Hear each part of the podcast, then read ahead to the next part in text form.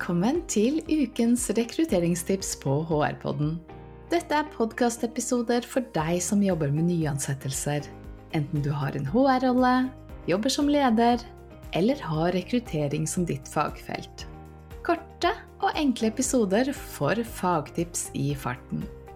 I denne episoden møter du meg, Annelise Heide, leder av HR-podden, og Kristin Vestringås, daglig leder i rekrutteringsselskapet Kløkt.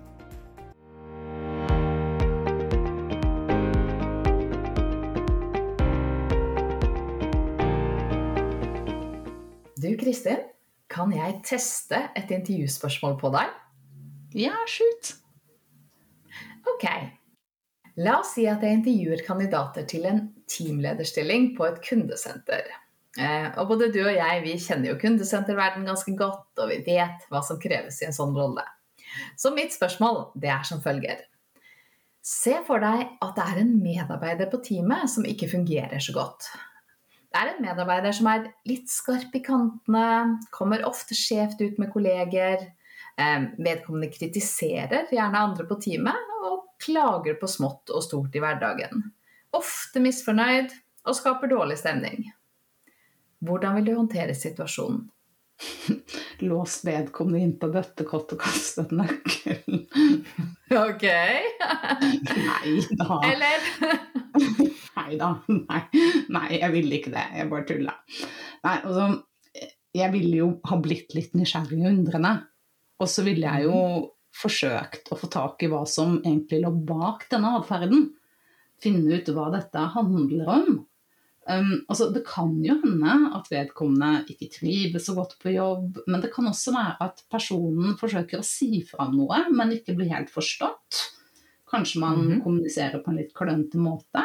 Men uansett så ville jeg kalt inn til en samtale, passet på at jeg hadde noen helt konkrete eksempler, sånn at jeg kunne illustrert hva jeg snakket om når jeg skulle gi vedkommende tilbakemelding. Så jeg ville vært veldig tydelig på forventningene mine om hva som er innafor, og hva som ikke er det på en arbeidsplass, og hva som er grensene.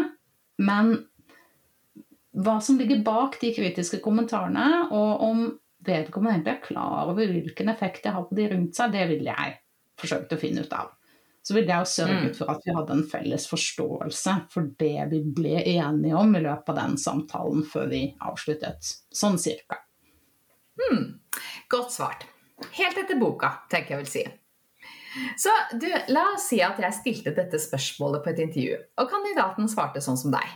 Eh, Kan vi da huke av fra at dette er en kandidat som vil ta tak i vanskelige situasjoner og ha en klok håndtering av potensielle konfliktsituasjoner på jobben? Nei, ja, da tror jeg jeg vet hva du er ute etter. Og her er det lett å gå i fella og forveksle riktig svar med rett atferd. Ja, det er nettopp det. Og for all del, eh, det kan jo absolutt være tett sammenheng mellom det å vite rett og gjøre rett, men det er jo ikke gitt at vedkommende vil handle i tråd med det som blir sagt. Jeg kaller dette knowing doing-gapet.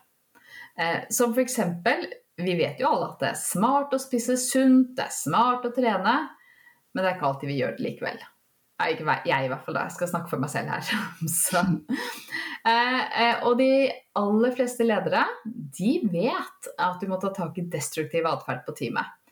De vet at det er kjempeviktig, men likevel så er det noen som ikke gjør det. Og jeg tenker at det kan være mange grunner til at det skjer. Det kan f.eks. hende at lederen ikke vet helt hvordan man skal ta tak i situasjonen, altså mangel på kunnskap. Eh, Så kan det være at lederen er usikker på om er dette viktig nok til å ta opp? Man blir litt sånn usikker på om er det bare jeg som reagerer, reagerer andre på det? Eller så kan det være at lederen ikke helt får med seg hva som skjer, eh, og hvilken effekt det har på andre. Eh, At eh, det som skjer som blir så tydelig i spørsmålet, er litt mer usynlig i den virkelige verden. Eller det kan være, og denne her tror jeg er veldig, veldig vanlig, at lederen ikke har tid akkurat nå, og skal ta det litt senere. Og plutselig så har det gått en uke, eller to, eller tre, og så blir det litt rart å ta det opp, fordi det har gått for lang tid. Sånn ser ofte hverdagen ut. Og da blir det kanskje litt forhastet av å trekke konklusjonen at du gjør rett fordi at du svarer rett. Ja. Jo da, gjett om. Um, jeg skal ikke begynne på temaet salg engang. Der er dette knowing-doing-gapet en veldig kjent utfordring. Men eh, nå er vi jo tilbake til Kahneman igjen, da, som vi har snakket om i en tidligere episode, tror jeg. Mm, helt korrekt. For vår autorespons, eller vår automatiske konklusjon, uh, gjennomført av system 1, som Kahneman kaller det, sier Rett svar er lik rett atferd. Så uten at jeg tenker over at du egentlig bare har vist frem at du vet svaret, så kan jeg komme til å trekke konklusjonen mye lengre når jeg skal evaluere deg som kandidat. Og her krever det en veldig sånn bevisste intervjuer som vet forskjellen på hypotetiske og kompetansebaserte spørsmål. Mm. Men det kan jo også hende at jeg gjør akkurat det som jeg beskriver.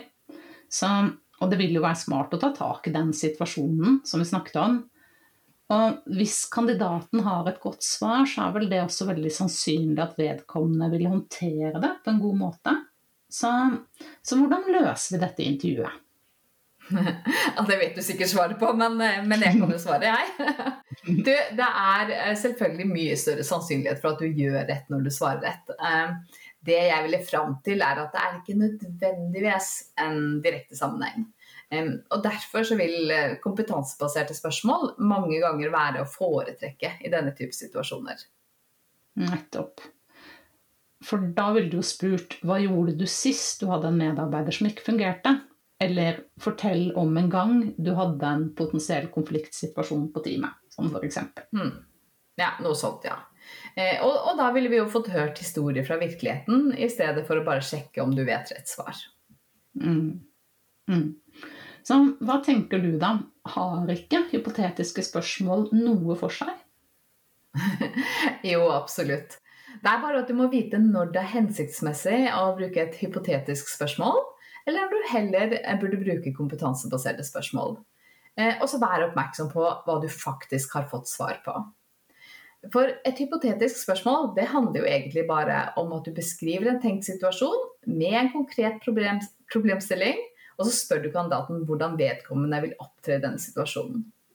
Og i noen tilfeller så vil vi jo egentlig bare sjekke ut om kandidaten vet riktig svar. Det kan være et spørsmål av mer kognitiv karakter, eh, der du vil undersøke om personen har kompetanse på et område, og da tenker jeg at disse hypotetiske, eller noen kaller det også scenariobaserte spørsmål, at de fungerer helt utmerket. Um, la, oss, la, meg ta et eksempel. La oss si at design thinking det er et kompetansekrav i en markedsstilling som jeg skulle rekruttere til. Um, og da kunne jeg spurt om hvordan du vil løse en bestemt oppgave med design thinking som metode.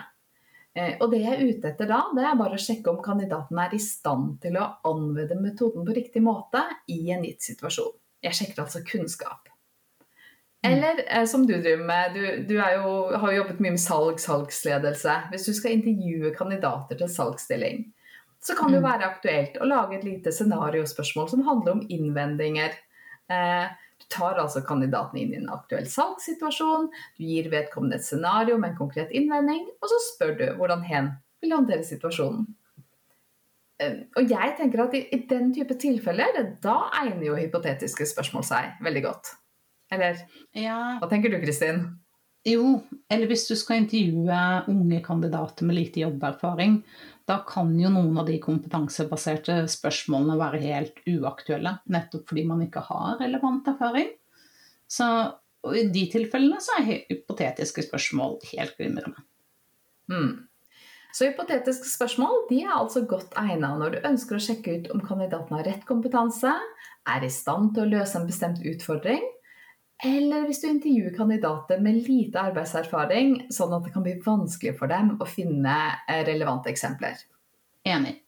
Og hypotetiske spørsmål kan være helt supre, fordi man også kan designe spørsmål som er noen spesielt tilpasset rollen. Og på den måten får kandidaten samtidig lite innblikk i aktuelle problemstillinger i stillingen. Og det blir også lettere å sammenligne kandidatene fordi alle svarer på eksakt samme problemstilling. som ikke nødvendigvis er tilfellet i de kompetansebaserte spørsmålene. Men dagens lille advarsel det handler jo da også om hvordan vi tolker svarene. Common sense er ikke nødvendigvis common practice, i alle fall ikke hver eneste gang. Bra oppsummert. Så konklusjonen er bruk gjerne disse hypotetiske eller scenariobaserte spørsmålene i dine intervjuer. Bare vær litt oppmerksom på fallgruvene. God rekruttering!